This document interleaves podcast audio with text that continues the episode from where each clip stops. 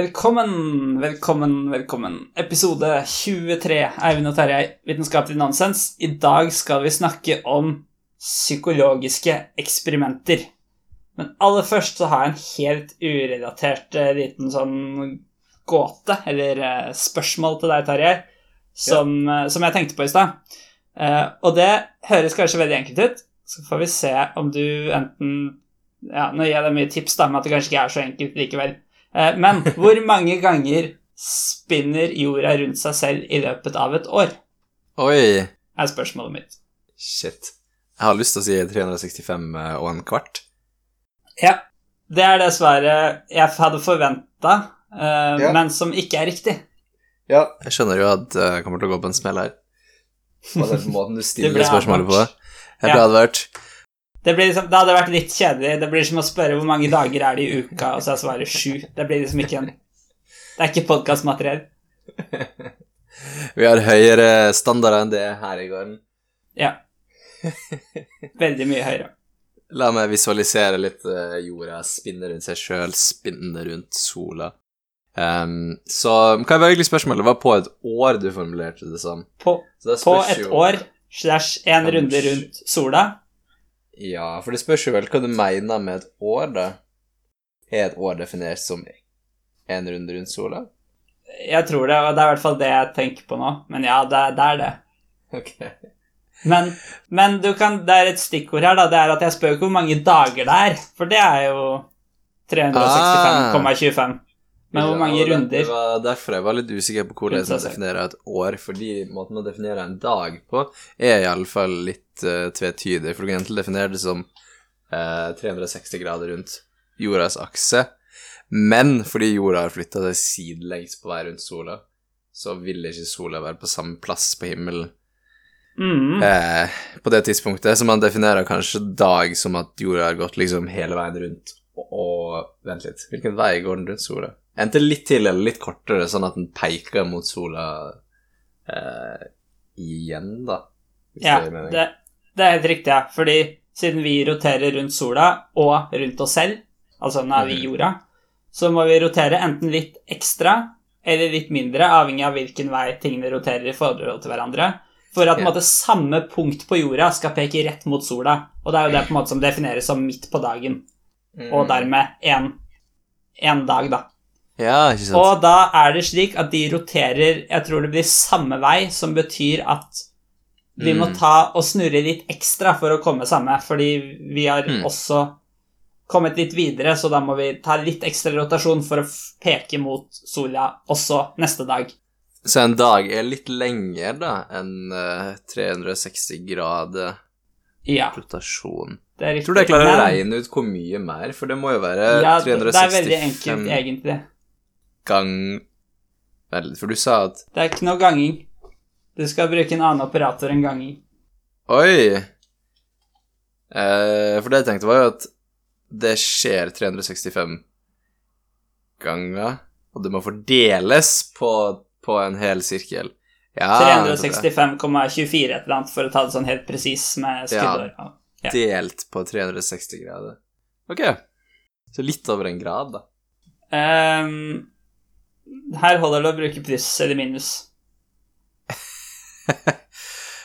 Hæ? Du trenger ikke å dele på noen grader. What? Det kan hende, du, kan- du kan sikkert det òg, men det er veldig enkelt svar. Svaret, vil du ha det, ja. er 366,24. Altså én ekstra runde. Og det er rett og slett fordi vi går 365,25 ca. Mens sola Eller nei, ikke sola, men vi går én runde rundt sola. Og den må Ja. legges til, den runden. For i løpet av ett år en, så vil jo det samme punktet være tilbake, da. Der det var. Hæ.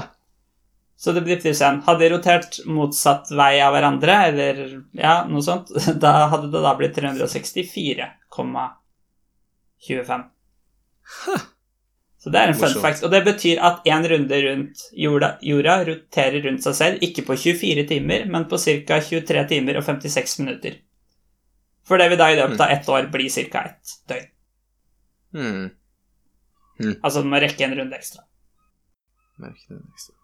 Og det blir litt samme spørsmålet som Hvordan er det, da? Hvor um, på en klokke med langeviser og kort, altså time- og minuttviser, hvor Mm. mange ganger i løpet av et døgn er de på samme sted? Ja, jeg har lyst til å si tolv, da, men det stemmer Det- kanskje ikke. Det er elleve. Ja, eller, ja, ok, nå, vi sier i løpet av 12 timer, da, for i løpet av 24 timer blir det jo to ganger igjen. Ja.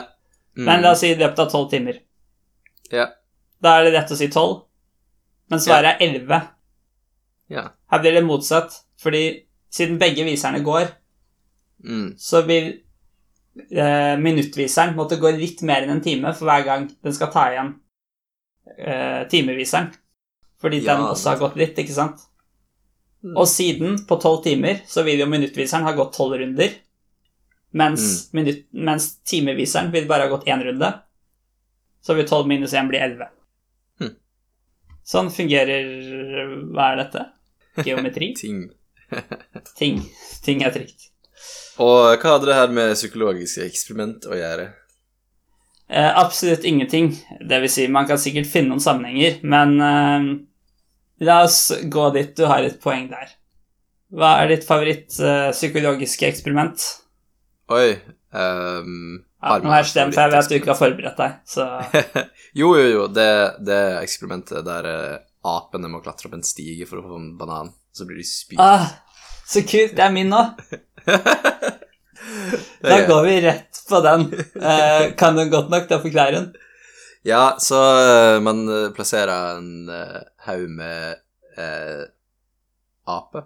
Jeg vet ikke hva dyr man bruker. Ja. Det funker sikkert på alle dyr. Eh, i, i, det jeg har skrevet ned, er at det heter Five Monkeys Experiment, så det er å si det er Ja. fem aper. Ok, fem aper. Um, I et rom, da, og så plasserer man en høg stige eller noe med en banan på toppen, ehm, som de må klatre opp for å hente, da, hvis de vil ha den, og de vil jo ha den fordi de elsker bananer. Mm. Men når de prøver å klatre opp, så spyler det dem med vann som de formodentlig hater, da. Ehm, Ja, sånn at og- de ikke får tak i den. Og du spyler kanskje alle apene, er vel et sentralt poeng, Ja, det er viktig. som en slags straff.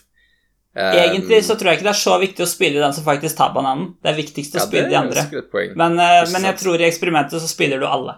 Ikke sant? Og det leder til at hvis du da fjerner, eller bytter ut en av apene, um, så har jo alle de fire som har vært der fra før, lært at det er en dårlig idé å prøve å hente den bananen, men den nye fyren har ikke det. Så han prøver å, å klatre opp for å hente den. Eh, Og for å unngå å bli spylt, så vil de apene da stoppe han, gjerne liksom banke han opp. Ja. Um, og da kan du gradvis bytte ut alle apene én etter én, uh, og Mm. da blir den kulturen da videreført, sånn at til slutt har du en, eh, et sett med fem aper som aldri har blitt spylt, men som likevel veit at uh, hvis noen prøver å klatre opp bananen, så skal han bankes opp. Ja.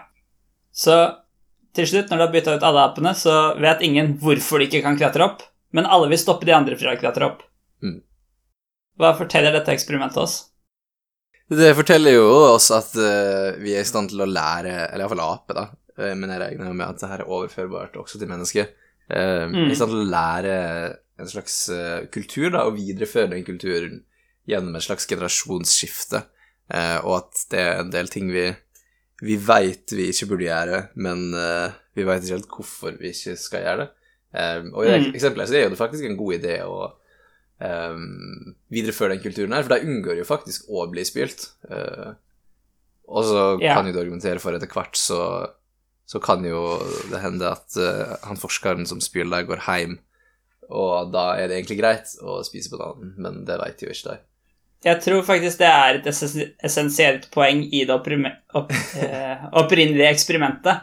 At Ja, okay. det er bare noen få ganger i begynnelsen at de kommer til å bli spraya.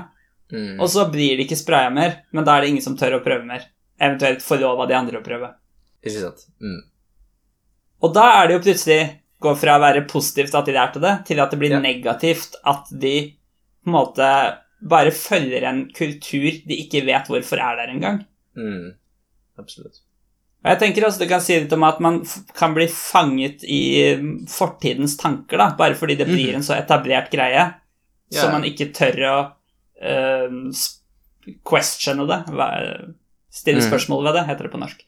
Um, så det, ja man skal, Det er jo en balanse der. Ikke ta ting for gitt, men samtidig, hvis du ikke tar noe for gitt, så Mhm. må du på en måte alltid begynne på nytt. Og det, hvis du Mm. ikke skal tro på addisjon og liksom skal måtte bevise det på nytt, Jeg bruker veldig mye addisjon som eksempler, men det er jo en fundamental ting.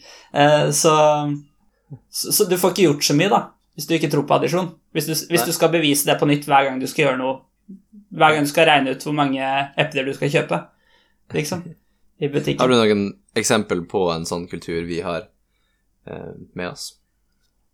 Åh, jeg syns det er vanskelig å komme opp med eh, eksempler sånn på, på stående Du hadde jo forberedt men, eh, eh, det eksperimentet her, så du hadde vel forberedt noen eh, eksempler også? Ja, jeg, hvis du sier forberedt et eksperiment, da føler jeg det er sånn at jeg liksom har Jeg har fem aper borti kroken her, og nå skal vi gjøre det. Dessverre. Jeg kan ikke love det. Um, det hadde vært gøy, da. Men eh, jeg tenker det tar litt tid, da. Vi må jo ha nok aper til å bytte ut alle sammen nå. Det er der jeg røyk i forberedelsene mine i dag. Jeg glemte de ekstra apene. Ehm, men nei eh, Bare litt sånn religionsbaserte ting, da, der man tar det er, ikke noe konkret eksempel, men der man bare tror på religioner fra tidligere generasjoner som egentlig ikke har noe um, fysisk uh, forankring eller årsak til at man skal tro på akkurat det, Mm. er jo et eksempel. Mm. Eh, det er sikkert noen veldig gode eksempler òg, bare at eh, jeg har ikke forberedt meg godt nok. Det er ikke sant. Har, kan du komme på noe? Nei, det er litt vanskelig. Det som er vanskelig med det, er jo spesielt at vi Det er vanskelig å se sine egne sånne eh, kulturelle hangups fordi man lever i det. Ja. Og så virker det så åpenbart. at selvfølgelig kan ikke du klatre opp eh, Klatre opp stigen for en til på dagen. Det hadde jo vært helt uanstendig, tenker man. Uten å Mm. egentlig rasjonalisere det mer enn det, da. Ja. Litt som at kanskje man, man trodde jorda var flat før, så ingen torde å prøve å seile rundt. Bare fordi det sikkert ble fortalt av tidligere generasjoner at den var flat, ikke sant? Hovedsakelig. Ehm, og sikkert at det ble på en måte brukt logiske argumenter som virka logiske. på en måte, altså, Se, se på den enga her, liksom. Den er jo flat. Det gir jo ikke noe mening at den er rund. Da faller man jo bare ned. Og det høres logisk ut. Hvis du Men ikke har hørt Trodde man annet, egentlig at jorda var flat, eller visste man egentlig at den var rund? Columbus hadde jo ikke seilt eh, 1000 år siden. vestover for å finne India hvis han eh, trodde den var flat, vel? Nei, så det var vel på det, rundt da at det ble en endring. Nei, eh, Kolum grekerne visste jo Regna jo ut uh, omkretsen til ganske overraskende stor presisjon for mange tusen år siden. Jo da, men grekerne var et opplyst folk, sånn relativt. Ok. Mener du nå at plutselig alle mennesker gjennom tidene har trodd at jorda var rund? Ja, jeg tror det var en sånn eh, myte som oppsto på sånn 1800-tallet. At eh, tidligere generasjoner hadde trodd at den var, at den var flat. Ok, men altså Jeg er ikke så sikker på det, men uansett, la oss heller ta eksempelet med at jorda var senter av universet. Ja. ja, for det trodde jo det. Det er likevel ikke så mange praktiske svakheter, kanskje. Bortsett fra at når du skal utføre vitenskap, da, at det blir et problem. Men det med at man, hvis man tror jorda er flat, så er det noe som praktisk eh, gjør livet ditt vanskeligere, fordi du kanskje må ta omveier til steder, eksempel. Ikke sant? Sånn når du skal faktisk reise. Og som kun er basert på tidligere Ja, ja, ja. generasjoners myter. Mm. Så det, det handler jo kanskje litt om det, da, i hvert fall i tillegg til å um, Det er vanskelig for apene, sikkert, men i tillegg til å eh, videreføre um, bare den endelige faktaopplysningen, konklusjonen, Mm. at du også burde videreføre resonnementet, da. Ja, men det er jo veldig vanskelig, da. Det skjer jo ikke I alle fall har jo ikke det skjedd tidligere, da, men kanskje det blir Nei. mer utbredt med eh, Etter hvert som vi kan eh, skrive ned mer ting. Jeg tror jeg har et uh, eksempel som passer ganske godt til eksperimentet, faktisk. Um, Ja, få høre. man burde ikke få barn med nære slektninger. Mhm. Altså, nå vet jo vi hvorfor, da, men før så visste jo ikke man det. Men man visste jo at man ikke burde det. Uh, Iallfall i Ja. den forstand at man syntes det var rart, da. Um, Ja, ba basert på uh, empiri, da. Nei uh, Jeg vil argumentere for at grunnen til at Altså, man synes jo det er litt ekkelt, på en måte, sant? Og det vil jeg argumentere for, har kommet fram som et resultat av eh, evolusjonære tilpasninger. At Mm. de som har prøvd, har fått dårlig avkom, som har Mm. eh, har ikke blitt videreført like bra. Um, så det er blitt litt sånn greie at man på en måte veit at det er ekkelt, men ikke hva grunnen til at man ikke burde det. Eh, men Nei. nå veit jo vi hva grunnen til det er, da. Ja. Ja da. Men blir det det samme? For da har du ikke endra Det har jo ikke endra seg, da. Så det er en sånn ting som er videreført med god grunn, da. Um, Ja. Men likevel, da, kanskje, kanskje det ikke er problematisk uh, i framtida fordi man uh, bruker for eksempel eh, genemanipulasjon, eh, som gjør at det ikke er et, eh, en evolusjonær svakhet å ha for like gener. Um, Men, ja. Men det vil fortsatt bli videreført at man Ja. synes det er rart. tror ikke du det? Jo. Det men, ja, det gir mening. Men da er det mer enn Da er det liksom Da er det ikke en faktaopplysning du har lært, da, på en måte. Jo, hva mener du? Hvorfor ikke? Nei, er det ikke mer en følelse av at det er rart? Jo. Du har ikke bare lært 'ikke klatre i stigen', liksom. jo. Det er jo akkurat det samme. Jeg føler det ene er mer en faktaopplysning, mens det andre er mer en følelse. På samme måte som hvis man etter hvert ikke trenger å spise mat mer fordi det er um, Du får en Mm. pille, så vil Ja. du fortsatt kanskje ha behov for å tygge på ting da, og svelge ting, bare fordi Ja. det er en følelse du har. Mhm. Ikke fordi noen har lært deg at du burde spise mat. Mm. Ok, du argumenterer for at det, det er mer liksom bygd inn i Det er mer fundamentalt. instinktet vårt, heller enn en kulturell greie. Ja. Det er ikke Ja, en sånn Åh, hva var det det het? Uh, ikke episodisk minne, men det andre type minne. Wow. Som er mer sånn faktaopplysninger. Mm, uh, ok. Semantisk minne, kanskje. Ja. Ja, ok. Men uh, nei da, du er inne på noe. Som vanlig. Ok, men jeg har hørt om en annen sånn greie, da. Eh, Jeg vet ikke om jeg har eh, nok detaljer til at det gir mening. Men eh, jeg leste om noen som fort- Det var sikkert i forbindelse med det eksperimentet her, da. At eh, hun brukte å skjære av Skjære av tuppen av eh, eh, Jeg husker ikke hva det var. eh, av et type kjøttstykke man steiker i panna. Mhm. Og for det Ja. hadde hun liksom lært av eh, mora si, da, og så spurte hun mora si hvorfor hun gjorde det, og da hadde hun lært det av mora si igjen, ikke sant. Så viste det Ja. seg at det var fordi da hadde besteforeldra sin generasjon hatt så små panner at de måtte skjære den Skjære av tuppen. Oi, det er, det er litt gøy. Så, eh, og så gjorde jo det bare fordi det var en ting som Det var sånn det gjordes, da. Men man kunne Ja. ikke spise tuppen, selvfølgelig. Det syns jeg var et veldig godt eksempel. Ja, takk. For det, det ja, da er det en sånn faktaopplysning som ikke er relevant mer. Ja, ja ok, for du, du påpeker at den burde være relevant, ja. Ja, det er jo sant, da. Vi får be lytterne våre sende inn eksempel på, på uh, sosiale og kulturelle normer som vi ikke veit hvorfor vi har lenger, eller som er utdaterte, som vi ikke kommer på, da. Ja, det, det var en god idé til eh, vitenskapelignansens at gmail.com. Eller på Twitter. Gjør jobben vår for oss. Det er det vi alltid vil. Skal vi gå til et nytt eksperiment? Ja, har du flere? Jeg har mange flere.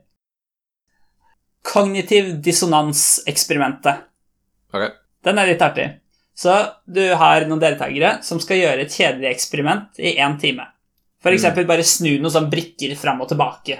Liksom bare sånn helt hjernedød aktivitet. Ok. Poenget er at de skal synes det er skikkelig kjedelig. Og så, når de er ferdig, så får de beskjed Nå skal du overbevise nestemann i køen om at dette eksperimentet kommer til å bli morsomt. Og noen av deltakerne får betalt én dollar for å gjøre dette. Mens andre får betalt 20 dollar. Hmm. Og så, etter de har da overbevist nestemann, så blir de spurt hvor, hva syns du om eksperimentet. Og da er det sånn at de som ble betalt kun én dollar for å overbe- overbevise nestemann, syns eksperimentet var mindre kjedelig enn de som blir betalt 20. What? Og hva er grunnen til det? Det høres veldig rart ut. De som får betalt minst, synes legitimt at det er mer gøy. Ja, og jeg tror det er litt essensielt at du skal skjønne at du får betalt for å overbevise nestemann, ikke for Ja. å gjøre eksperimentet. Ok. Er du blank?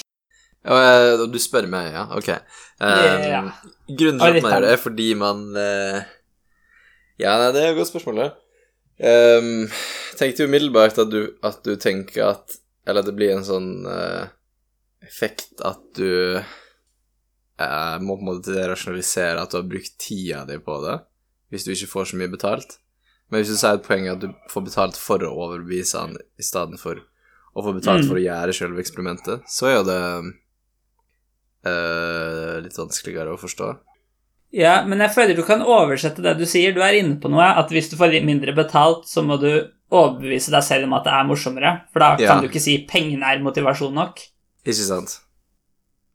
Og det er egentlig bare å overføre det fra oppgavedelen til overbevisedelen. Så har du det. Men liksom mener du at man blir liksom påvirka av overbevisningsjobben man skal gjøre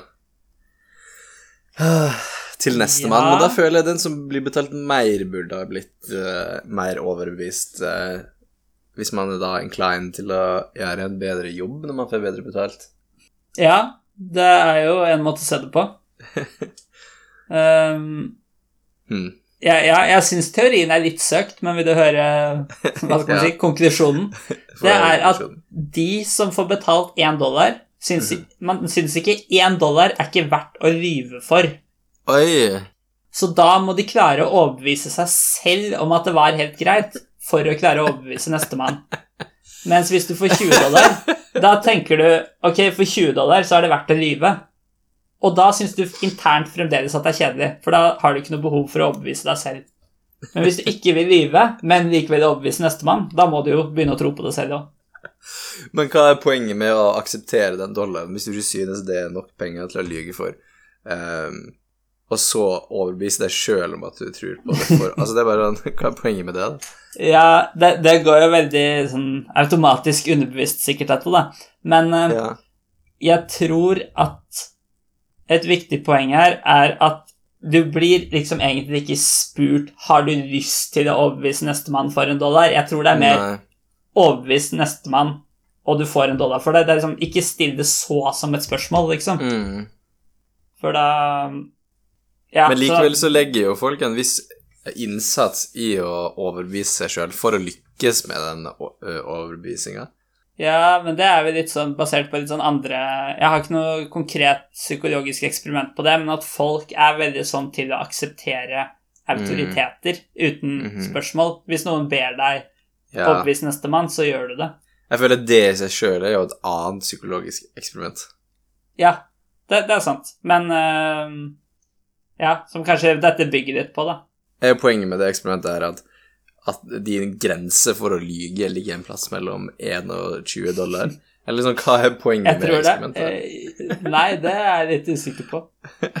Men uh, det, det høres litt søkt ut, og jeg føler ikke den konklusjonen er helt sånn Det må være forklaringen heller. Nei, det virker veldig lite vanntett hvordan de har kommet fram til det, og hvordan de har utelukka alle andre mulige forklaringer. Ja, men du har ingen andre forklaringer? Uh, jeg hadde jo et par forsøk på forklaringer. Ja, men det var mer med at eh, øvelsen var uh, Ja, men bare fordi vi ikke Ja. klarer å komme på bedre forklaringer, betyr jo ikke at det ikke finnes en bedre forklaring. Nei, absolutt, det er et godt poeng. Men hvis vi ikke har en bedre forklaring, så er det også fortsatt den ledende teorien, da. Hmm. Men du kan, du kan jo på en måte si at den ledende teorien er at forklaringen foreløpig er ukjent. ja. Det må være lov. Mm. Men det er litt morsomt i hvert fall at folk liksom For 20 dollar kan jeg lyve, men for én så orker jeg ikke å lyve. Så jeg bare lurer meg selv i stedet. Som på mange måter virker verre. Ja. Men det, men det er jo ikke en aktiv beslutning du tar dette. Nei. Det er jo mer noe som bare skjer. Mhm. Og jeg antar hvis du, hvis du hadde gitt folkene mer av premissene på forhånd, hvis de kjente til eksperimentet på forhånd, Mm. da hadde ikke det hatt seg påvirke på denne måten. Det tror jeg gjelder for mange eksperimenter. Det er også virker jo som en ting som man kan teste. Ja, ved å gjennomføre eksperimentet på nytt, men la alle Ja. det som eksperimentet før. Nettopp. Jeg tror det blir veldig Ja, jeg vet ikke. Ja, nei, kanskje du får noe av de samme tendensene. Men du vil også da få de som aktivt går inn for å spolere det tidligere funnet, vil jeg tro. Ja, det er nok sant. Men du vil sikkert få deg som går aktivt inn for å bekrefte det tidligere funnet også, så kanskje de kansellerer hverandre. Hvis du er heldig, så gjør du det.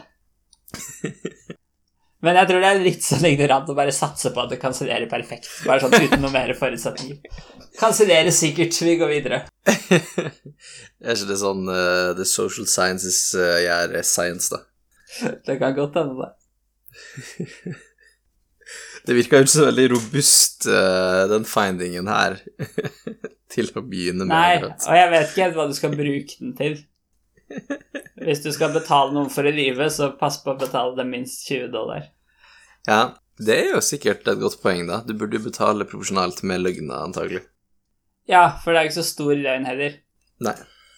Men det er litt interessant, for nestemann vil jo bli ganske Jeg vet ikke om nestemann faktisk skal gjøre samme eksperiment, for den vil jo være påvirket av forrige løgn, for den vet Den tror på forhånd at det kommer til å bli morsomt. Ja, ikke sant? Det blir en sånn snøballeffekt. Til slutt så får du bare folk som elsker eksperimentet, forteller nestemann at det er helt fantastisk.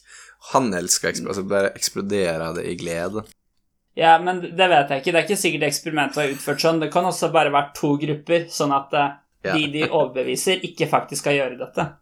De er der bare for å bli overbevist. Ja. De kan, de kan for så vidt være en statist. De trenger ikke å være en, med på eksperimentet engang. Ikke sant? Disse eksperimentene blir liksom verre og verre. At det blir bare flere og flere lag med løgner og deception og Tenk at jeg bare wasta en time av folk sine liv for å kjede deg til døde. og så begynte jeg å bytte ut ett og en og en person med aper, og da Altså Til slutt så bare trodde hele befolkningen at eksperimentet var gøy, og så begynte alle å gjøre det på fritiden sin. Snu brikker frem og tilbake. Og det var sånn man fant opp uh, domino. Ikke sant. Apenes spill. Domino er ikke så mye snu, kanskje. Jeg, vet, jeg har aldri skjønt hvordan man der, spiller domino. Uh, hvordan, hva går det spillet ut på? Domino? Ja. Ja, det er morsomt at domino er så lite kjent for det originale spillet. ja. Men det, det, jeg tror det er sånn brikker som er sånn tosida brikker med forskjellige tall eller et eller annet på, og så skal ja. du legge de Det er litt sånn som Scrabble, nesten. At du skal legge Nei, ikke helt, mm. men du skal legge de som er like innat hverandre. Aha. Men jeg vet ikke helt hva er målet. Er det bare at hvis du ikke kan legge noen brikker, så taper du? Ja, for det høres ikke så veldig vanskelig ut. Eller kanskje bli kvitt alle brikkene først, eller ja. Ja. Jeg har spilt det da jeg var liten, men jeg husker ikke detaljene. Mm. Det er kanskje en grunn til at jeg er mest kjent for å stable de og velte de. Altså, når det er gøyere å stable brikkene i spillet ditt og velte deg enn det er å spille spillet ditt, så har du mislyktes ja, som uh, spilldesigner. Det blir litt som korthus, da, og, og kortspill, men der ja, er korthus det ikke så like dominerende. Nei, Nei, det er sant. Så der har vi en slags balanse. Mens eksempel i Monopol så er det jo ikke Det er ingen som stabler Monopol, så da må jo spillet være helt genialt. Ellers er bare brikkene dårlige til å stable. Ja, det er sant. Men jeg har hørt at Monopol egentlig skal være et ganske gøy spill som bare tar eh, kort tid å spille. Eh, og ikke leder til at man hater venner og familie. for problemet Hvis man spiller det på en spesiell måte? Ja, problemet er jo at ingen har lest eh, reglene. Jeg vet du noe fundamentalt man gjør feil i reglene? Uh, jeg husker ikke sånn konkret i farta, men det er et eller annet med at uh, det, er et, det, er noen regler som gjør at det ikke stagnerer, og at det på en måte røsker opp i ting når ting blir uh, Kanskje du blir tvunget til å kjøpe alle, alle felta du lander på, f.eks., istedenfor at du må kjøpe det, eller et eller annet sånt. da. Som, det høres ut som bare gir mindre frihet, liksom, og dermed mindre Eh, eller mer tilfeldighet, da. Fordi det er enda færre valg du skal gjøre. Ja, men det var kanskje Det, det er sikkert ikke akkurat det, da. Det er nok sikkert litt lurt, mer lurt enn det. Men poenget er at det skal ja. tydeligvis lede til et mye mer interessant spill, og et mer litt sånn høyt tempospill, og uh, at det ikke blir sånn Det bare drar ut i det endelige, og alle hater hverandre fordi det er én person som sitter med alle brikkene. Og, ja, Du veit hvordan det går, da. Men poenget mitt er, har du lest eh, monopolreglene, eller har du bare spilt det? Uh, jeg vet ikke om jeg har lest det fra A til Å, men jeg har sikkert kikka i reglene, i hvert fall. Mm, okay. Jeg, jeg, tror jeg kan reglene, men det er jo så mange varianter òg.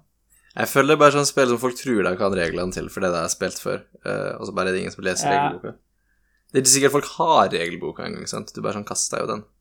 Det jeg vet, er at det er lov å gjøre veldig mye avtaler bare sånn utenfor spillet. Bare forhandle med de andre spillerne og sånn. Veldig fritt. fritt. Og jeg tror ikke det trenger å være din tur engang, eller noe. Nøl. Og det vil jeg tro egentlig er noe som kan skape mer dårlig stemning, da, fordi du kan gjøre en avtale på en måte utenfor Ja. spillet, da. Ja, det er jo interessant, da. Og rotte, rotte dere sammen mot en og sånt. Mm. Kan du la være å holde avtalen nå? Er det lov i spillet? Mm, ja, hvis du gjør sånn du trenger ikke å betale meg i fremtiden og sånn, liksom. Jeg vet ikke om det er lov, da. Men i hvert fall, jeg tror det er mer sånn bytte, byttinger, da. Ja, sånn, ja. Mm. Men ja, jeg vet du ikke, kan de, kan de liksom gjøre hva som helst? Ja. Ja, jeg vet ikke, altså, du, du trenger ikke å betale når du havner på minnet, mot at jeg ikke må betale når jeg havner på din, liksom. Ikke sant? For eksempel. Veldig god idé. Og så plutselig blir det bare Det handler ikke om brettet mer. Skal Nå skal vi, nå skal vi bryte om hvem som vinner den gata. Eller bare sånn uh, spa, Spandere middag på deg hvis jeg får slippe nå. Så må man sette opp et sånt rettsvesen for å avgjøre disputes. Uh, Ja, Så blir det egentlig bare en sånn samfunnssimulator. sant. Um, men det er fortsatt Hvis du vinner på brettet, da er det ferdig. Og så kan du ta opp lån Hvis det, hvis det er turnering, da, så det er mange brett, så begynner du å ta opp lån fra sånn nabobrett og sånn. Ja, eller så Det kanskje man VM eh, i Monopol. Oi, gjør det det? Wow. Ja. Jeg tror det er norsk som er, eller var god. Kanskje han var verdensmester Wow. til og med. Men ja, kanskje, kanskje man sånn, eh, slutta å se så mye på brett etter hvert, og neste generasjon så, så blir det mindre og mindre relatert til brettet. Og etter hvert så glemmer man at brettet eksisterer en gang, og, og, og på den måten framsto samfunnet vårt som et tidlig monopol, monopolspill. Ja. Kanskje vi er i et monopolspill til et annet verden. Det er litt av en konspirasjon. Konspirasjonsteori, i alle fall. Nei, dette er eh, Dette er bevist. Men beste tipsen i Monopol er kjøp mye og prøv å få tak i de gatene på midten, liksom i verdi, har jeg hørt. Oi, er det sant? Ja, alle går for de dyreste, men de Ja. er for mye styr. Huh. Interessant. Nå kjenner jeg at jeg må lese meg på monopolteori. Ja, det Jeg tror ikke det er så veldig komplisert, da, faktisk. Nei, ok. Jeg tror det er liksom litt Ja, ja, det er jo VM i det, så det må jo være noe. Men jeg tror kanskje det begynner å handle litt om å være rask med å forhandle med andre og sånn etter hvert. Mm. Mer enn liksom in game-strategien. At den er ganske lett å optimalisere. Ja. Jeg tror det har noe med at når du går ut av fengsel, så havner du fort på de som er på midten. Mm.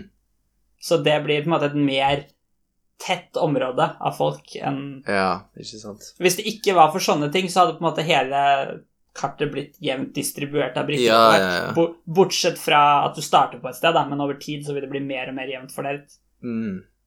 Eh, men på grunn av at det er sånn gå til det feltet, gå i fengsel og sånt, så, Mm, så er det ting som påvirker den distribusjonen, da. Mm. Det var litt av en avsporing. Skal vi ta et nytt eksperiment? Ja, før neste eksperiment du har forberedt. Little Albert Experiment, bare en veldig Oi. kort, uh, som er en liten gutt som leker med en kosebamse eller noe sånt, Mm -hmm. uh, og, og liker uh, Det står White Furry Object, da, som spesifikt for eksperimentet. Og han liker jo det godt, men okay. uh, Men hver gang han gjør det, så kommer det en høy, skremmende lyd. Og da vil over tid gutten bli redd for eh, White Furry Objects. Også når det ikke lenger kommer en sånn lyd. Så han bare assosierer det Det er jo egentlig en veldig naturlig ting. At du assosierer noe med noe ubehagelig. Ja. Akkurat som man sikkert Iblant så får man bare en følelse av at noe er skummelt eller feil, liksom, uten at du mm. kan si hvorfor, som antagelig skyldes en assosiasjon. Ja. Som enten kan være en assosiasjon til et fysisk objekt, som her, men det kan sikkert også bare være en assosiasjon til en tanke du gjorde akkurat nå. Mm, sikkert. Eh, Jeg har ikke noe mer på den, men det Og jeg føler det er en veldig åpenbar ting, men det er et av de kjente psykologiske eksperimentene, da. Rett og slett assosiasjon. Fungerer det bare på små gutter med navn Albert? Eh, ja, og bare white furry objects. Hm. Det er sånn synd man ikke kan eh, snevert. generalisere Nei, fra dataene sine. Det funker nok ganske generelt. Jeg føler det er et sånt generelt problem i, uh, innenfor disse psykologiske studiene som blir gjort, at, uh, at man måler liksom hvor mye innsats du er villig til å gjøre for å, for å sortere disse brikkene eller noe sånt, og så konkluderer mm. man med folk er villige til å jobbe hardere hvis man gjør X. Som er veldig sånn overgeneralisering, da, som ikke nødvendigvis gir noe mening utenfor en lab-setting. Skal vi finne et eksperiment som er mindre generelt, da? Jeg vet ikke helt om de fins. Men uh, la, oss, uh, la oss ta marshmallows-testen. Ok. Og denne, denne tenkte jeg at nå skal jeg på en måte gjøre, stille deg eksperimentet. Det blir jo ikke helt realistisk, for å se hva du svarer. okay. Så det er veldig enkelt. Det, det skal egentlig utføres på barn, da. Men uh, menta mentalt så passer jo det fint. Nei da. Uh, så du kan enten velge Du kan få én marshmallows her og nå, eller så kan du få to om 15 minutter. Hva Mm. velger du? Og det som skal gjøre det litt mer fristende, da, er at den ene marshmallowsen skal ligge på en tallerken foran deg. Og du skal sitte der de 15 minuttene og faktisk klare å vente for å få to. Ok, jeg tror ikke 15 minutter med utrolig kjedsomhet er verdt en marshmallows, så jeg velger å ta den ene her og nå. Ja, men vi sier du må sitte der i 15 minutter uansett. Det er, Uansett? Du kan ikke dra hjem. Ah, ja, Ja, okay. vi sier, Det handler bare om marshmallowsene. Jeg tror vi må gjøre det sånn. Og så er det noe med For barn så tror jeg en marshmallows føles mer, og 15 minutter føles lenger. Så Ja. kanskje for å gjøre det mer realistisk, så kan vi heller si du kan få um, Jeg føler ikke vi kan ta penger heller, for da blir man litt for rasjonell igjen. Du kan få en pose marshmallows nå, eller så kan du få to om en time. Nå bare ta en sjanse da og endre på eksperimentet. Kanskje det er bare dumt. Ja. um, altså, vi kan sitte og småspise på den posen med marshmallows for å holde meg eh, distrahert de neste 15 minutter, så tenker jeg fortsatt Ja, det ja, det er også dumt. Ok, vi går tilbake til én marshmallows. Søren. Ok, én nå eller to om 15 minutter. Da vil jeg spare den. du må sitte der uansett. Ja, Da vil jeg spare den, så jeg får to. Ja. ja. Um, og det er jo på mange måter det rasjonelle å gjøre. Ja. Det som er Nå husker jeg ikke helt, vi hadde jo en podkast om uh, Ocean personlighetstest. Og Ja. jeg skåret i hvert fall én på det punktet som er Vil du prioritere lykke nå fremfor fremtiden? Der én var 1% en, ja, liksom jeg var på den minste persentilen, som betyr at jeg bryr meg ikke noe mer om å være lykkelig nå enn i fremtiden, nesten. Så jeg ville definitivt gått for to da om 15 minutter. Men jeg mener at du skårte ganske høyt på den, men det er mulig jeg husker feil. Ja, jeg husker ikke det heller, men jeg vil, jeg vil ha gjetta at jeg skårte ganske høyt på den. ja, så sånn sett er svaret ditt litt out of character. Ja, Men, men det er jo noe med det at dette er et Hva skal man si Et så lite valg, da, på en måte. Det er kanskje Ja. litt vanskelig å det er det. Pluss at det er jo et eh, litt abstrakt eh, spørsmål du stiller meg nå. Det kan jo hende jeg hadde svart annerledes hvis eh, jeg faktisk var i situasjonen. Eller oppført Mm. meg annerledes, da. Svaret. Men jeg føler, ja, jeg føler det er viktig at du må sitte der de 15 minuttene. For hvis ikke hadde jeg Jeg tar heller en marshmallows enn å måtte sitte her i et kvarter, liksom. Ja. Men det er jo fordi jeg bryr meg ikke så mye om jeg får en eller to Nei. eller null marshmallows, liksom. Nei. Mens for et barn så vil antagelig en marshmallows ha en større verdi. Mm. Men det som er interessant da med dette eksperimentet, det er at barn som velger å ta én marshmallows nå, Mm. gjør det betydelig dårligere eh, utdanningsmessig senere i livet. De ender opp med dårligere utdanninger enn de som gidder å vente. Åh, det er morsomt. Så du kan ehm, ikke bestemme, men gjøre en ehm, prediksjon, eller hva man skal si, på, din, på ditt eh, barns fremtid med, med en så enkel test. Og dette er noe man veldig enkelt kan gjøre hjemme. for å vite om det er verdt å betale for college for ungen din. Ja. Det er studier studie som gir mye mer mening å utføre i USA. Mm. Men det er jo rett og slett Det gir jo litt mening, for det er jo om du tenker langsiktig eller mer her og nå. Og hvis Ja. du En utdanning er jo langsikt, langsiktig tenkning, for det er Ja. ikke noe særlig fordel her og nå å ta en utdannelse. Ikke sant? Hm. Og i hvert fall ikke sånn å faktisk gidde å øve til eksamen. Mm. Så så brutal er verden. Eller er USA, jo- iallfall. da. Ja. Nei, ja, tror du ikke det er det for Norge òg? Tror du vi hadde torturert små barn med valget om eh, marshmallows her i Norge. Å nei, vi kan gi mar barn marshmallows. Det er hva jeg kaller tortur. I alle fall å nekte de den andre marshmallowsen når de spiser den første. Ja, Men det ligger ikke ny marshmallows klar, da. Det er bare at du ikke får den utdelt. Ja. Men da nekta du Jeg, jeg, Jo, du er hard på hva som kalles tortur, altså.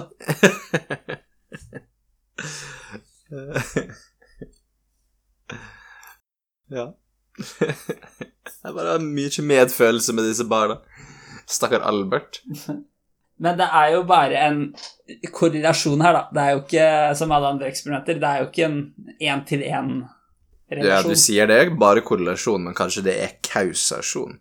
Kanskje disse folka det dårlig på college eller eh, i utdanning senere i livet fordi de ble nekta den ene marshmallowsen.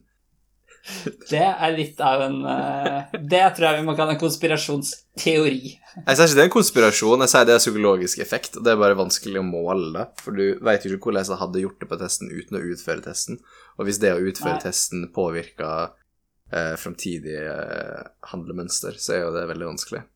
Mm. Det er sant. Men inntil du finner på et veldig godt argument for hvorfor det er sånn, så tror jeg jeg velger å si tvile på det. Hvorfor må man ha et logisk resonnement for å kunne Altså, er ikke, er ikke det empiri som bestemmer her? Jo. Du trenger ikke måtte forklare det bare fordi det er sånn. Nei, du trenger ikke, men det betyr ikke at jeg kommer til å tro på deg heller. Ok. Nei, hvorfor skal du bry deg om jeg tror på deg? Det er jo en annen sak.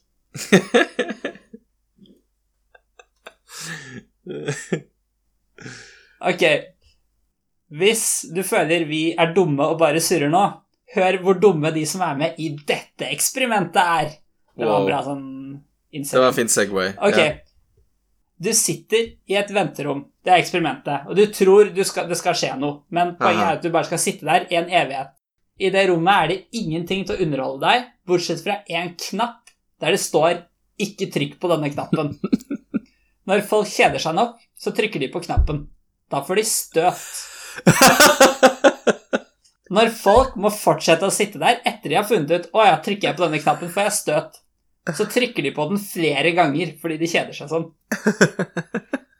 Så man vil heller Jeg vet ikke helt hva det vil si. Kanskje det vil si at man foretrekker smerte foran kjedsomhet. Det kan hende. Eh, Det kan, også, det, bety det kan også hende at det betyr at uh, kjedsomhet er en form for uh, smerte. Ja. Det høres jeg, liksom, Hvis du spør meg hadde du trykt på den knappen Altså én gang, antagelig, men uh, flere ganger Jeg tror ikke jeg ville gjort det, men det er vanskelig å se for deg en situasjon der du kjeder deg så utrolig mye.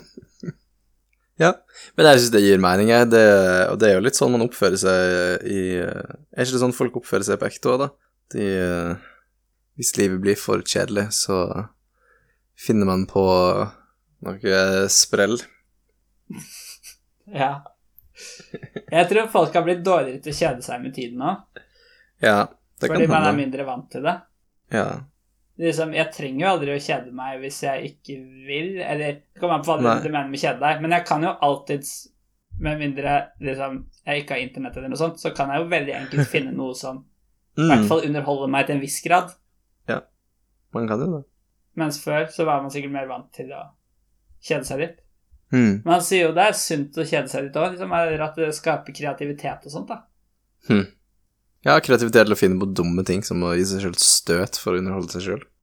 Ikke nødvendigvis bare det, da. Men jeg tror, jeg tror det er litt med at folk, når folk ikke er vant til å kjede seg, så når de kjeder mm. seg, så vet de ikke hva de skal gjøre, og så er de desperate Mm. til å ikke kjede seg. Mens hvis, de, hva skjer, hvis ikke den knappen hadde vært der, så hadde de ikke hatt noe valg. Nei. Og hva hadde de gjort da? De kunne sittet og tenkt Jeg kjeder meg, kjeder meg, kjeder meg, kjeder meg på nytt på nytt, og det er Ja. ille. Eller så kunne de begynt å bare tenke på noe. Litt, en litt dypere tanke. Og da hadde du slutta å kjede deg, antagelig. For en stund. Ja, og hva er en altså, dypere tanke, da? Hva du kunne tenkt på. Ja. Du kunne lagd en plan for hva du skulle gjøre i ferien. Du kunne hm. Kanskje litt sært. Kunne tenkt på et matematisk problem. Ikke sant. Du kunne planlagt en film du vil lage. Hm. Du kunne um, planlagt hva du skal gjøre, hva du skal ha til middag. Du kan se for deg at du er fanget og må unnslippe dette rommet. Hva ville du gjort da? Lett etter en knapp som går an å trykke på. Du kunne latt som du spilte inn en podkast med noen andre og diskutere psykologiske eksperimenter. Sånn som jeg antagelig gjør nå. Kan hende det fins, men det er jo ikke sikkert. Det er virkelig ikke sikkert, det, altså. Det kan hende jeg bare drømmer nå, at jeg ikke har våkna ennå, og så er det når jeg våkner vi faktisk skal spille inn denne podkasten. Ja. Jeg våkna i dag av at jeg drømte at jeg holdt på å forberede meg til podkasten. Og det er litt kjedelig når du våkner fra en drøm der du har gjort noe fornuftig, og Ja. ser, 'jeg har ikke gjort det ennå likevel'. det er faktisk det verste, altså. Enda verre når du drømmer at du stresser med å rekke å komme en plass. Og det er en ganske sånn lang Ja. drøm der du, der du på en måte er for sein, og du liksom holder på å komme deg dit. Og så våkner du, Ja, og så er du for sein til å komme deg til den plassen. For da har du bare faktisk. Da har du bare wasta tid på å drømme at du prøver å ikke bli for sein til tingen du er for sein til. Ja. ja, det er ofte jeg stresser litt. Og så er det ofte jeg øh, drømmer at jeg f.eks. skal løpe fort, og så Men så er det sånn Vet ikke jeg, vann eller gelé, så det bare går ikke an å gå fort. Eller om det bare er musklene mine som ikke virker. Så Jeg det blir sånn slow motion. Helt klassisk drøm å ha. Slow motion-løping. Ja. Og så altså, drømmer jeg noen ganger at jeg kjører bil, og så bare virker ikke bremsene. De virker litt, men det tar liksom sånn evighet å bremse, så det bare sånn går ikke an. Ha, den har jeg aldri hatt. Det virka ekkelt. Ja. Men jeg tenker, så lenge jeg har krasja flere ganger i drømmer enn i virkeligheten, så er det en god statistikk. Hva med at du prøver å fly eller sveve, men eh, du får det bare sånn delvis til? Det kan jeg ikke hente så frem, tror jeg. Mm. Men liksom fly med, ja, med kroppen din. Ja, ja, ja. Mm. Men du, du faller sakte ned, eller at du bare plutselig faller helt ned? Eller? Nei, du faller sånn sakte ned, og så hvis du prøver Ja. å hoppe, så kommer du bare sånn noen meter opp, og så Ja, litt, Veldig lav gravitasjonsfelt, nesten. Da. Ja, nesten, ja. ja. Men du føler liksom at du Nei. burde være i stand til å flyge. Nei, det tror jeg ikke Jeg kan ikke komme på det, i hvert fall. Hmm. Jeg prøver å beholde bakkekontakten i drømmene mine. Du er en utrolig kjedelig person i drømmene dine. Du er aldri for seint ut til noe, du går alltid på bakken. Har du hatt sånne der lucid dreams noen gang? Ja. Drømmer der du er vet at du drømmer? Jeg prøvde en periode aktivt å trene meg opp til å få det til. Eh, Ja, Med vilje. og, og du fikk det til? Um, et par ganger sånn sporadisk, men det er veldig lett å våkne Mm. uh, når Ja, du oppnår bevissthet. Det er veldig ofte jeg våkner av at jeg innser det er en drøm. Ja. Men da Ja. Men jeg, jeg har opplevd det én gang, Oi. og det var litt gøy, men uh, At jeg liksom innså jeg var i en drøm. Så jeg bare sånn Ja. hoppa ut fra noen skyskrapere og sånn, liksom. Bare for gøy. Du burde være Du ganske være ganske sikker på at det er en drøm. Ja. Jeg var tydeligvis der, ellers så bare resonnerte jeg ikke godt nok i drømmen. Men, men Ja. ja. det hadde vært litt gøy å prøve mer på å få det til. For du, Mm. du må gjøre sånne reality checks. Sånn der Yes. sjekke Du kan se på en tekst, snu deg bort, se tilbake igjen, og hvis den har endra seg, så er det en indikasjon på at det er en drøm. Du Mm. kan hoppe, og hvis du ikke, som du sier da, hvis du begynner å sveve oppover, stor sjanse for at det er en drøm. Og det virker veldig stupid, for akkurat her og nå så er jeg veldig overbevist om at jeg ikke drømmer. Ja. Men når du drømmer, så er du også ganske overbevist om at du ikke drømmer. ja, det er det som er problemet. Så kan, du kan, du må, kan liksom, du må anta at du aldri er sikker, da. Ja, For, og at det er noe med at du alltid Du aldri stiller Du stiller du, jo deg aldri spørsmålet heller, så det er sånn eh, Det er ofte Hvis du bare stiller det spørsmålet i en drøm, så, så innser du det egentlig ganske fort. Så det handler om å bygge den Mm. vanen, da, om å alltid Ja. Stille deg sjøl det spørsmålet. Drømmer jeg nå? ja. Um, Og så må du sikkert hvert fall i begynnelsen ha litt flaks for å ikke bare våkne idet du innser det. ja, ja, du må det. For det, det er det jeg opplevde et par ganger, at jeg har fått det til, men så våkna ganske fort. da, Ikke sånn helt umiddelbart, men det går liksom kanskje fem-ti sekunder. Men jeg har hørt at Jeg vet ikke om det er sant, men at hvis du trener mye på det, så kan det også gi større sjanse for sånn Heter det søvnparalyse? Ja. Men når du er våken som, Altså når du sover, så er du så å si lamma, sånn at Ja. du ikke skal gå i søvne, f.eks. Ja. Selv om du tror du går i drømmen, så Mm. sendes ikke det signalet til kroppen, Ja. til musklene. Men hvis noen ganger, da, så kan det på en måte skjære seg litt, så når du våkner, så vil du fortsatt være paralysert. Ja. Og egentlig føle deg lam, da. Ja. Og jeg har hørt liksom at du kan slite med å puste, f.eks. også. Wow! Men at det, som regel slipper det ganske fort, da. Men at det Ja. virker veldig ekkelt. Jeg har aldri opplevd det. Jeg har opplevd det flere ganger. Urelatert, Ja, til eh, Ja, urelatert til lucid dreaming, egentlig. Ja. Um, det, jeg, det har liksom skjedd flere ganger det at jeg har våkna. Man våkner jo, da, men man er Ja. ute av stand til å bevege seg. Um, Og kan du blunke, liksom? Eller kan du ingenting? nei. Nei. Så, og det er en av Men det er en refleks. Jeg føler Hva sa du? Puste kan du. Mm, Jeg har aldri Men det er opplevd refleks, eller? Ja, jeg har aldri opplevd problem Men jeg var ikke klar over at det var en Nei. greie, da, at man ikke skulle kunne puste. Nei, jeg, jeg vet ikke hvor eh, relatert det er. Pusting er litt spesielt, siden det både kan være en refleks og en Mm. Det er bevisst sant. handling. Men jeg føler en av teknikkene for å komme ut av sånn søvnparalyse er å eh, prøve veldig hardt å åpne øynene. Ja, ok. Som er litt som å, Ja. hvis, du, hvis du noen gang har vært klar over at du drømmer, og så er du gjerne i et mareritt, så du prøver å våkne, og så er det ganske vanskelig å Mm. våkne. Det er sånn det føles, da. Det er liksom skikkelig har vanskelig å få opplevd til. det, tror jeg. Men, Nei, ok. ja, for da er det en lucid dream, hvis du vet du er i et mareritt.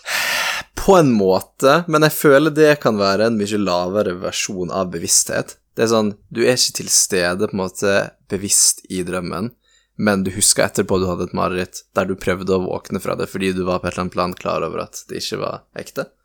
Mm. Så det, det Jeg tror det finnes grader av det her. Mm. Men hvor lenge varer de paradisene du har hatt? Er det bare noen sekunder? Ja, liksom? bare noen sekunder. Eller det er kanskje vanskelig å ha noe forhold til tid òg. ja, det, det er faktisk overraskende vanskelig. Og noen ganger har jeg sklidd litt sånn inn og ut av søvn òg, så du liksom Du sovner igjen, på en måte, gjerne. Mm. Så, men jeg har ikke opplevd at det er så, så skummelt som det kan være. Da. Folk, folk kan jo synes det er veldig terrifying, spesielt hvis man ikke veit hva det er. At man bare føler seg helt lam, da, og ikke kan se eller høre eller noe som helst. Ja, det virker skikkelig ille. Det er derfor jeg ikke har så lyst til å Men altså, det i seg selv virker gøy. Og det jeg også har hørt, jeg vet ikke om det er sant, det er at Altså, drømmene tar jo ofte veldig kort tid, men de oppleves som veldig lang tid, ikke sant? Ja. Um, så jeg har hørt at sånn bevissthetsmessig så kan det hende 75% av livet er i drømmer. Av på en måte hva du opplever. Og hvis du da får til lucid dreaming, så er Ja. det på en måte som at livet ditt blir fire ganger så langt til en viss grad. Ha. Kanskje selv hvis du ikke er det, men det, du blir jo mer bevisst, da, i hvert fall. Hm. Og jeg tror du skal få samme hva skal man si, restitusjonsverdien Ja. av, av det. Jeg tror ikke det er sånn at du føler deg mindre uthvilt av å ha hatt en lucid dream. Nei. Har det et norsk ord? Um, bevisste drømmer? Nei, jeg vet ikke. Ja, det er egentlig dessverre. Det er jo veldig rart uh, hvordan man drømmer i det hele tatt, fordi man er jo Man opplever jo drømmene på et vis, og så glemmer man det helt. Ja. Men sjøl når du Ja. våkner og husker en drøm, så er jo Mm. det likevel sånn at det føles ut som at du Det føles ut mer som at du husker den, enn at du var der, på en måte. Ja, jeg føler du husker den aldri helt heller. Du husker mer sånn Nei. utklipp. Ikke sant? Highlights, nesten. Men det kan også hende også det bare var highlightsene du faktisk drømte. Jeg, eller- føl, jeg føler jeg kan jobbe meg gjennom en drøm med å starte i en ende, og så på en måte konsentrere Ja, okay, ja. meg om å fremkalle, så klarer jeg å huske ganske En sånn sekvens, på en måte, da. Hvis det gir meg Mm. Men det er veldig rart hvordan det føles, føles ut som å huske den mer enn det føles ut som å ha opplevd den, selv om du på et eller annet plan har opplevd det mens du drømte. Føles mer som om du har sett en film, liksom. Kanskje. Og gå gjennom den. Ja, men likevel så var jo du til stede og opplevde å se filmen første gangen. Ja, ja. Absolutt. Hm. Nei, vi må gå videre, tror jeg. Ja. Uh, the bystander effect. Den har du Mm. kanskje hørt om? Ja.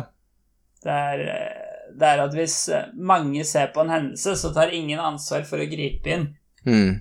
For eksempel sånn, hvis noen bare får hjertestans på gata og bare seiler om, og det er en mengde rundt, så er det liksom ingen som begynner å utføre sånn hjerte-lungeredning, eller som ringer ambulansen, fordi hvorfor gjør ingen av de andre det? Da, Ja. Hvis ingen andre gjør det, da, da er det vel feil av meg å gjøre det òg, da. Mm, Da er det sikkert bare en uh, skuespill, eller noe sånt. Liksom. Så, det, så det du må gjøre, er at du må gi én spesifikk person en oppgave. mm. Du peker på noen andre og sier 'utfør hjerte-lungeredning', og så står du og ser på. Ja. Da, da er du som enhver annen leder.